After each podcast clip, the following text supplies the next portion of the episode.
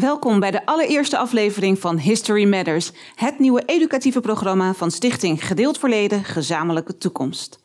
De titel doet het al vermoeden. We gaan het hebben over geschiedenis, want geschiedenis doet ertoe.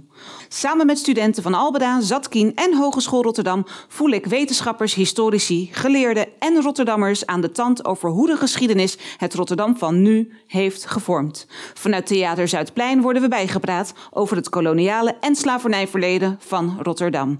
En zorgen we ervoor dat dat wat lang onbekend was aan het licht komt. Mijn gasten van vandaag zijn Esther Captain en Zaire Krieger. Met hen ga ik het hebben over je thuisvinden in een postkoloniale stad. Mijn naam is Hasna Elmaroudi. Laten we beginnen. Zo, ik zei het al even, met History Matters werken we nauw samen met studenten van Albeda, van Zatkien, van Hogeschool Rotterdam, de vragen van de studenten over het koloniale en de slavernijverleden van Rotterdam vormen de basis van het programma. Naast gastredacteurschap hebben we ze deze keer ook een opdracht meegegeven. De eerste aflevering van History Matters staat in het teken van Rotterdam als thuishaven. Het is een veel gehoord gegeven. Rotterdammers met een migratieachtergrond, of dat nu de eerste generatie, de tweede generatie of de derde generatie is, voelen vaak veel meer verbintenis met de stad Rotterdam dan met Nederland als geheel.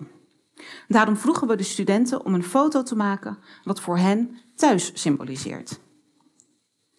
Ik wil de studenten graag naar voren roepen en als eerste Dennis. Yes, hallo. De linkerfoto die is voor mij afkomstig. Het is een voetbalveld. En het voetbalveld dat is van Zwervers, de club waar ik al 14 jaar voetbal. En uh, het voelt voor mij als thuis, want als ik even een zware dag op de rug heb of even stress, dan uh, kan ik daar even mijn hoofd laten rusten en dan uh, kom ik even tot mezelf en daarom voelt het als huis. Is het omdat je in een omgeving bent die je heel goed kent?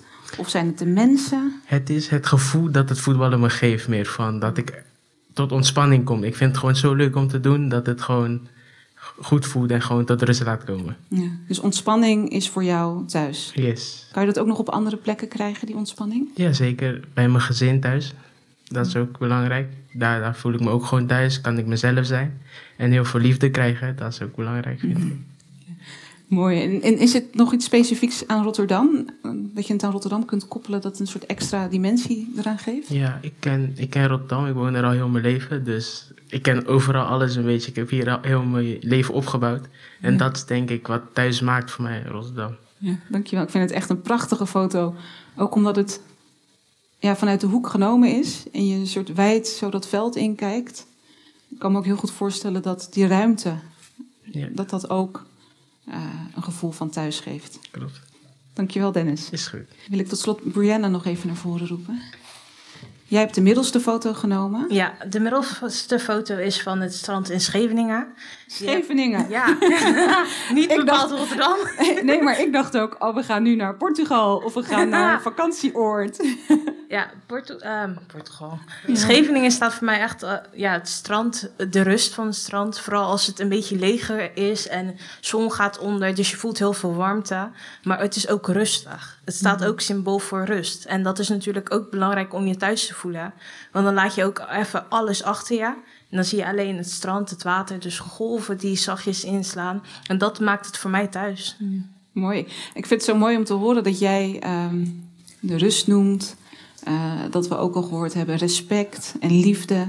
Dus het gaat ook over uh, en, en, vrijheid en openheid, dus over positieve emoties waarin je jezelf kunt zijn en mag zijn, als ik het even Klopt. zo mag interpreteren.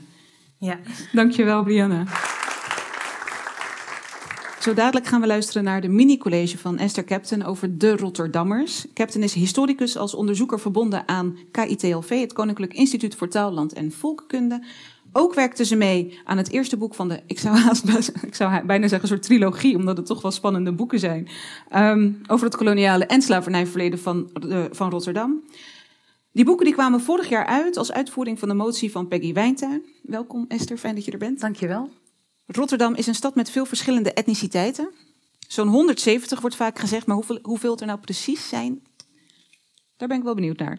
En waar komen de Rotterdammers allemaal vandaan? Daar gaat Esther Captain ons alles over vertellen. Mag ik een warm applaus?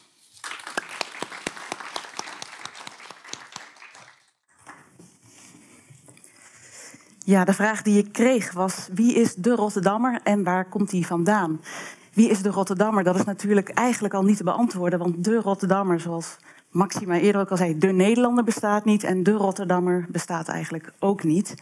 Um, ik heb voor mezelf nagedacht welke gezichten horen bij uh, Rotterdammers uh, als ik uh, aan een Rotterdammer denk. Dus ik ga een paar namen noemen die voor mij van betekenis zijn. En dan begin ik ja, bij wat vorige, vroegere tijden. Fong Leng, een modeontwerpster. Ik weet niet of die bij jullie bekend is. Ik zie wel een paar mensen knikken. Nelly Koman, die kennen jullie vast wel. Hè? De atlete, de sprinster, de wereldkampioen op de 60 meter. Giovanni van Bronckhorst, die moet hier toch wel heel erg uh, nu nog steeds uh, bekend zijn. Van het vlammend afstandsschot waarmee hij op een WK ook uh, geschiedenis schreef. Abdelkader Benali, de schrijver van Bruiloft aan Zee. En dan hebben we natuurlijk Ahmed Abu Talib, de burgemeester van Rotterdam. En Zaire Krieger, die hier ook aanwezig is, die heeft zich nadrukkelijk ook hè, als Rotterdammer laten kennen. Dus dat zijn voor mij eigenlijk ook um, de mensen die horen bij wat is een Rotterdammer en waar komen ze vandaan. En eigenlijk aan deze namen en personen zie je al dat het inderdaad uh, een um, mozaïek is van personen en die maakt dat Rotterdam een van de meest diverse steden van Nederland is, of misschien wel de meest diverse stad van Nederland. Je zei het al, 170 nationaliteiten. Ik heb het niet nageteld. Maar het is inderdaad duidelijk als je hier gaat wandelen. Je hoeft maar door de koopgoot te lopen. Of je hoeft maar het voetbalveld ook uh, op te gaan. En we hebben niet voor niks uh, Feyenoord, Sparta en Excelsior. En dat zijn echt plekken waar mensen elkaar tegenkomen. En waarbij eigenlijk het uh, gewoon is dat daar allerlei groepen bij elkaar zijn en elkaar treffen. En in beweging zijn. Rotterdam is dus een stad met uh, inwoners met, zoals tegenwoordig heet, een migratieachtergrond. En het aantal daarvan vorig jaar lag op 52,3 procent. En dat is dus eigenlijk hoger dan het aantal Rotterdammers dat geen familie heeft van buiten Nederland. En vorig jaar was dat voor het eerst dat dat percentage was uh, verschoven of was gekanteld, zou je kunnen zeggen. Ik heb uh, voor vanavond ook een uh, tabel gemaakt. Ik denk dat we die nu kunnen gaan zien, met vlaggetjes zelfs. en daaruit zie je inderdaad dat uh, het aantal inwoners in Rotterdam uit Suriname 8,1 procent, gevolgd door Antillen. arbeidsmigranten uit Turkije en Marokko 7,4 respectievelijk 7 procent. Kaapverdische gemeenschap uh, is hier 2,4 procent van de bevolking. En dan hebben we nog eigenlijk een hele uh, drie overige categorieën. categorieën. Niet-westerse migranten 10 procent. Overige uh, inwoners uit Europese Unie is ook 10 procent. En dan overige uit westerse landen. En dat is 4,7 procent. Dus wat je ziet is dat um, we gaan vanavond in op de postkoloniale migranten. En daaronder verstaan we diegenen die zijn verbonden met uh, wat in het voormalig Koninkrijk der Nederlanden de Oost en de West heten. Dus de West, de Cariben. Ene kant Suriname en de Antillen. En de Oost, wat voor eerst heette Nederlands-Indië en wat Indonesië is geworden.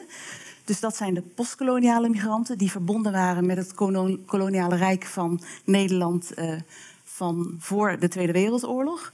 Maar je hebt natuurlijk ook de arbeidsmigranten die naar Rotterdam zijn gekomen in de jaren 70, ook wel jaren 60. Uh, je hebt de vluchtelingen die in de jaren 80 en 90 naar Rotterdam zijn gekomen. En uh, die maken dat hele mozaïek van wat de start wat de stad ook zo rijk maakt. Zij hebben overigens ook hun uh, sporen verdiend in uh, de politiek en in het bestuur. En daarom is het ook zo belangrijk dat de motie van Peggy Wijntuin... die heeft geleid tot uh, de trilogie van boeken... Um, dat dat een resultaat is geworden. En wat is nou zo kenmerkend voor Rotterdam? Het is de havenstad. En wat ze net al heel mooi is benoemd, ook als thuishaven. Ik vind dat een hele mooie metafoor voor waar we ook nog over door kunnen denken vandaag. Een havenstad is een plek van vertrek, van aankomst, van doorkomst, dus van tijdelijk verblijf en weer verder gaan, en ook ontvangst. En bij al die uh, woorden horen, denk ik, ook emoties. Daar hoort beleid bij. Uh, en daar hoort ook uh, ervaring bij van de mensen die dat hebben meegemaakt als vertrekkende of als iemand die hier arriveert. en het gaat om mensen En het gaat ook om goederen. Dus dat is ook een deel van het koloniale verhaal. Er zijn mensen uitgewisseld en er zijn goederen. Um, vanuit een economische um, ja, uh, winstbejag uh, uitgewisseld, verkocht. Uh, en vanuit het postkoloniale verhaal is dat dus het verhaal met Cariben, Suriname, de Antillen, Zuidoost-Azië, dus Indonesië.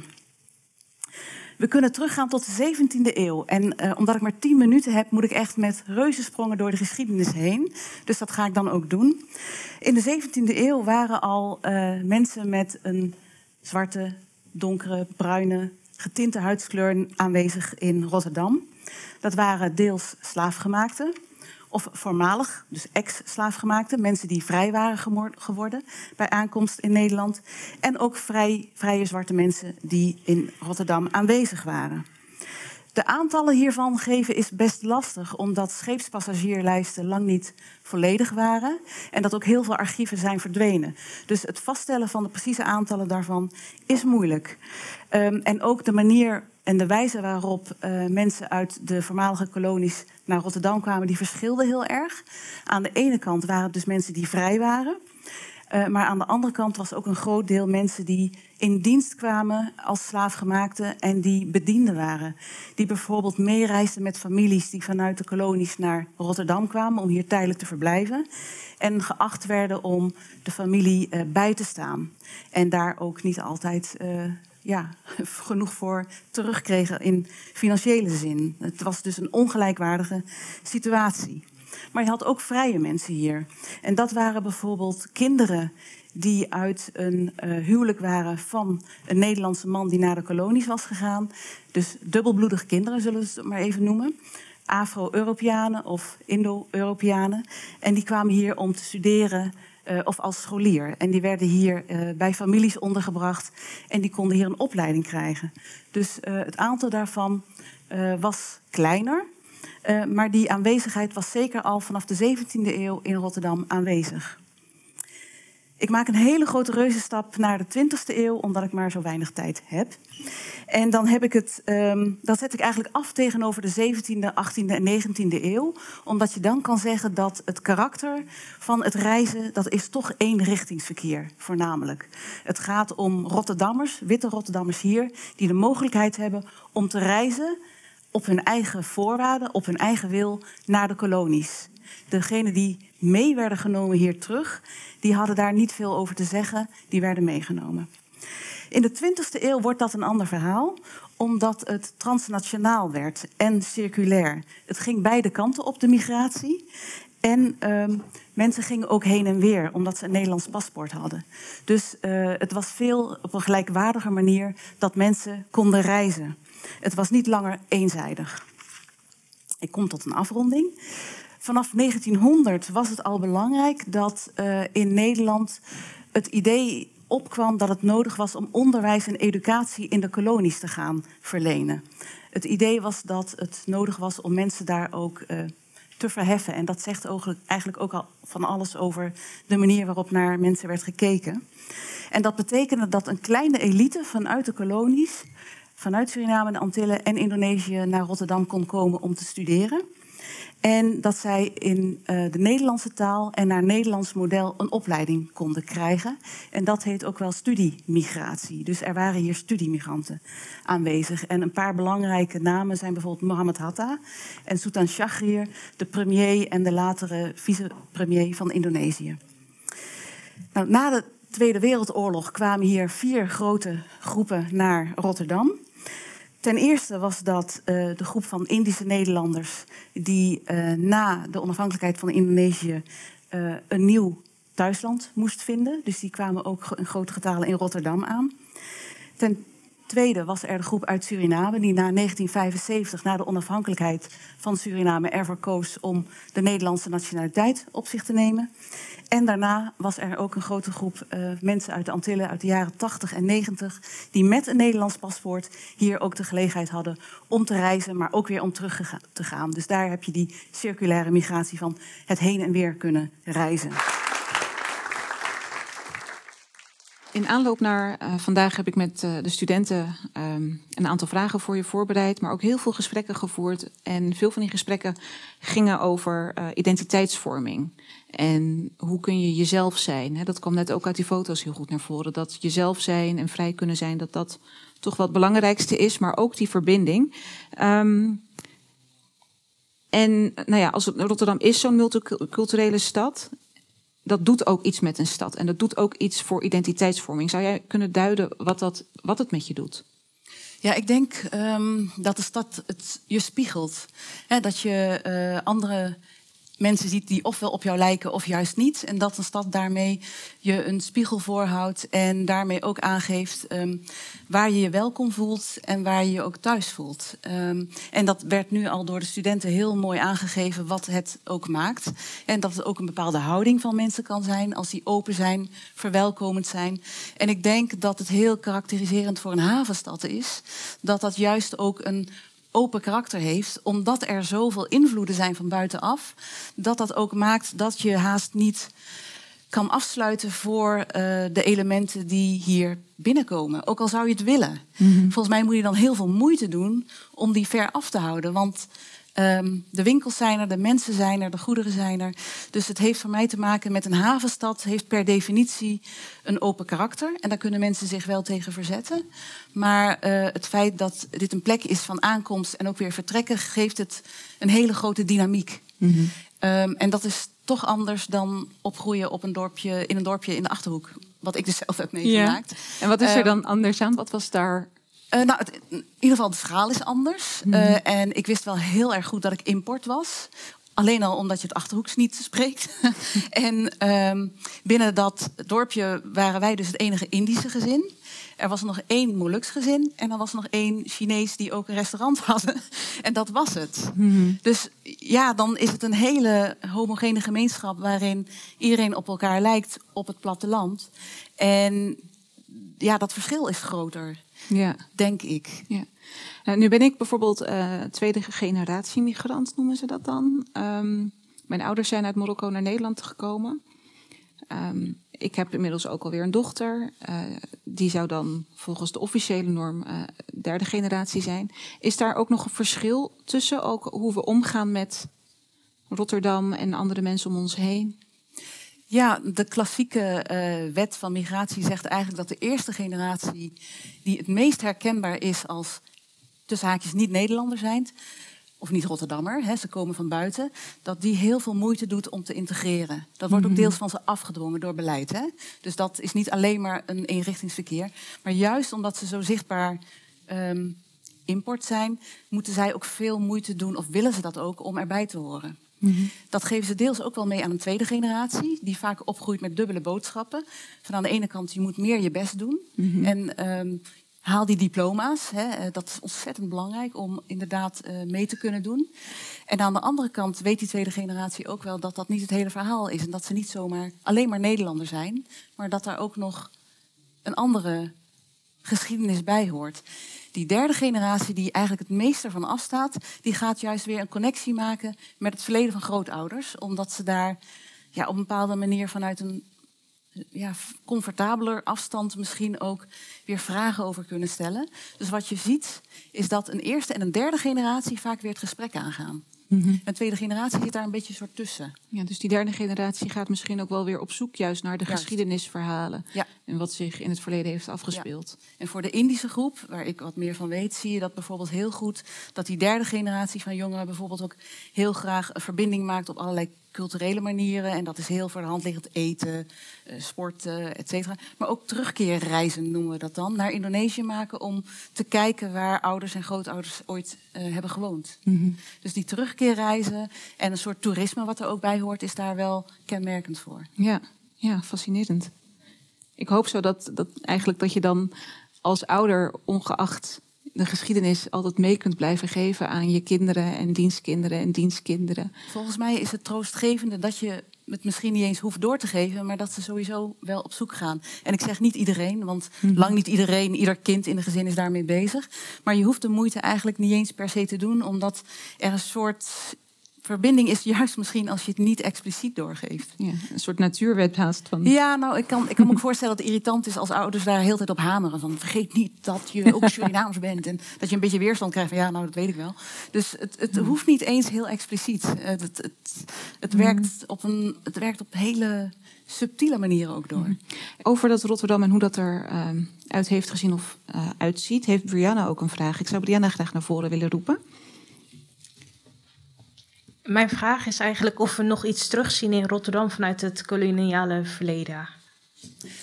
Ja, hele goede vraag. Um, ik denk het wel. In de eerste plaats ook in de mensen die hier aanwezig zijn, zoals hier deze zaal ook zit. Dat is ook een deels een afspiegeling van het koloniale verleden. En uh, wat ook altijd we are here because you are there. He, dus die komst van migranten uit uh, de kolonies of de voormalige kolonies hier naartoe. Maar je ziet het ook in gebouwen, je ziet het ook in straten, in straatnamen, in winkels. Um, en ook in een bepaalde um, mentaliteit, uh, denk ik. Wat ik al eerder een beetje heb benoemd in het gesprek van een dynamiek uh, van een stad. Dus ik denk dat het eigenlijk heel lastig is om een plek te vinden waar het koloniale verleden niet, eigenlijk niet te vinden is. Um, dus ja, ik, ik zou zeggen dat de stad daarvan doordrongen is. Maar je zal het wel zichtbaar moeten maken en moeten markeren. Omdat als je die geschiedenis niet kent, dan blijft het ook uh, onuitgesproken. Dus daar zullen we allemaal ook ja, een steentje aan bij kunnen uh, dragen. Dus dat is wel belangrijk. En kun je al een voorbeeld geven, heel concreet? Um, nou, dan zit ik even te denken aan het boek, omdat een van de hoofdstukken gaat heel erg ook in op de gebouwde omgeving. Mm -hmm. En dat zijn bijvoorbeeld gebouwen die te maken hebben met uh, voormalige warenhuizen, uh, pakhuizen waarin koloniale waar was uh, bewaard. Mm -hmm. Dat kun je ook gewoon zichtbaar maken met um, ja, toelichting, ofwel op je smartphone of op een gevelsteen. Dat soort dingen. Dat mensen niet denken van het was heel ver weg, maar het is gewoon in de straat waar je doorheen loopt. Daar waren. Um, Uh, dat, dat, was de plek waar uh, slavernij uh, letterlijk aanwezig was. De goederen werden daar bewaard. Mensen hebben er gewoond. Mm -hmm. En dat kun je veel meer zichtbaar maken dan misschien tot nu toe is gedaan. Ja. Brianna, dank je wel voor je vraag. Gierwen, ik wil jou graag naar voren roepen. Jouw vraag sluit eigenlijk naadloos aan bij haar vraag. Ja, mijn vraag komt voort uit uh, de uitspraak die tegenwoordig uh, rondgaat. Dat um, alles wat in het koloniale verleden is gebeurd ook um, effect heeft op het heden. En ik was benieuwd welke gedragingen, patronen of overtuigingen uit de koloniale tijd u herkent in het heden in Nederland. Oeh, dat is een hele goede vraag. En hij is ook best moeilijk. Um, maar ik denk, to toen ik de vraag uh, las, dacht ik wat misschien een koloniale trek is. Um, de bejegening van mensen die uit de kolonies komen. Dat als je het goed doet, dan hoor je bij Rotterdam of bij Nederland.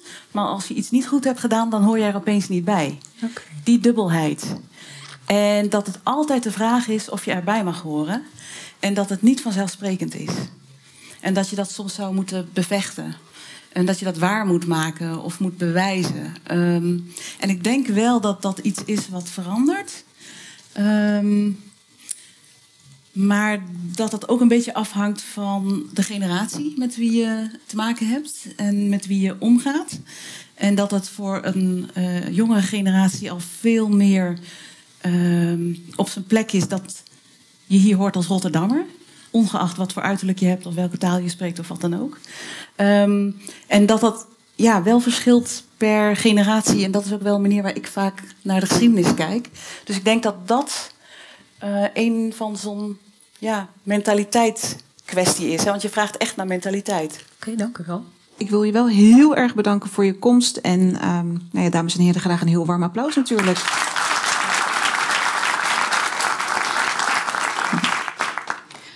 Het was een hoop informatie om te verwerken, maar dit is niet het moment om je oren te laten rusten. Integendeel, want we gaan nu luisteren naar spoken word piece van niemand minder dan Zaire Krieger.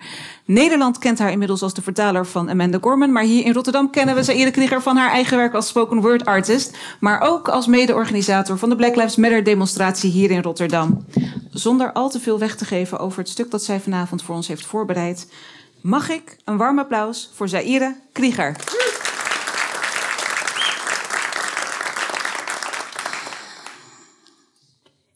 Blauw was goud. Als de metalige geur van bloed van ketenen die boorden tot botten. 5,2% van het bruto binnenlands product was in 1770 op slavernij gebaseerd. 5,2. Ter vergelijking, de Rotterdamse haven was in 2017 verantwoordelijk voor 6,2 van ons bruto binnenlands product. Cijfers zullen nooit verhalen schetsen, dus laat me even context schetsen. In de eeuwen dat Rembrandt van Rijn de nachtwacht leven gaf, wachtte er elke nacht een slavenhouder om een slavin van Rijn te ontnemen. In de eeuwen dat Johannes Vermeer zich aan het meisje met de parel waagde, stond er op de rug van een slaaf een schilderij van zweepslagen. Kunst is zo relatief. En mooier kan ik het niet voor je maken. Ik wil geen gaten door je feestje knallen. Ik laat je enkel zien welke slingers we hier ophangen. Toen de slaven vrijkwamen in 1863, toen kregen de slavenhouders een schadevergoeding voor verlies van bezit. De nakomelingen van het tot slaaf gemaakte, die betalen die heffing nu ieder jaar. Want die schadevergoeding vervingen ze door elk jaar een kostuum van een slaaf in het rond te zingen. We betalen die vergoeding elke keer door een relaxer die op een hoofd wordt gesmeerd. Als het langs rijdt, ligt de vergoeding op mijn schouders. De gouden koets met mijn knielende voorouders. Al onze maaksels uit onze pijn verzint. Wilden ze voor de commercie, maar dan zonder de tint. Al onze cultuur werd verbasterd voor de views, want ze wilden onze rhythm, maar niet onze blues. De diaspora liet zijn sporen na in ons dialect. Want in mijn oma's huis spraken we alleen correct Nederlands, hoe ver de zweep reikt, blijkt. Want schoonheid is nog altijd hoe erg je op die slavenhouder lijkt. Mijn taal is nooit aan mij doorgegeven. Want Tongo is wat ze op de straat spreken. Zo zijn we twee keer onze cultuur verloren. De eerste keer door de zweep en de tweede keer door de diasporen. Verscheept, vervoerd, verkracht, verpest. En vooralsnog. We stonden tien stappen achter en toch staan we er nog. Door laster gepast als een last en verkast als onkruid stug. Maar we zijn als de belasting, we komen altijd terug. Elke nazaat, hoog of laag, is een certificaat van onze vrije staat. Van de huisvrouw tot de advocaat, van de schoonmaker tot doctoraat. Elke dag wordt er van bloed en zweet goud gemaakt. Nu zijn we atleet, politica, wiskundige en ambtenaar. Twee oude vrouwtjes geleden waren we nog handelswaar. Elke trotse afro in de wind is nieuw land ontgonnen. Hun gouden eeuwen zijn geweest, die van ons zijn net begonnen. We geven dit vuur door aan onze dochters en onze zonen. En met veerkracht smeden wij van onze ketenen kronen. Dank je wel. Wauw. De eerste keer dat ik je uh, dit stuk hoorde doen was bij de slavernijherdenking. Hmm. Um, om me heen een hoop mensen, iedereen in tranen. Uh, Jij zelf ook trouwens. ja. ja. Hoe was het voor jou om daar te staan op zo'n belangrijk en dringend moment en om uitgenodigd te zijn om daar ook specifiek over te schrijven? Echt, ik, weet, dat is, ik kan niet geloven dat dat gebeurd is nog steeds. Mm Het was echt insane. En ik weet nog dat ik vooral heel veel van de mensen die mijn tantes hadden kunnen zijn, die om me heen waren, die hielpen mijn stoel schoten, waren eens precies zelfs in de zaal. Uh, en ik weet nog dat ik de stage afkwam en dat er een mevrouw naar me toe kwam en zegt: Ik moet je even een brasa geven. En dat voelde echt even als thuiskomen. En yo, ik, ik kan niet geloven dat ik dat gedaan heb, man. Ja, sick. Ja. Het was echt heel mooi. Mag ik je nog een keer heel erg bedanken? Dank je. En mag ik van jullie nog een keer een heel warm applaus voor Zaire Krieger? En hiermee zijn we dan ook aan het einde gekomen van het eerste deel van dit college. In deel 2 krijgen we een college van Gert Oostindi en ga ik langer in gesprek met Zaire Krieger over wat thuisvoelen voor hen betekent. Dit was History Matters. Mijn naam is Hasna Elmaroudi. Graag tot de volgende keer.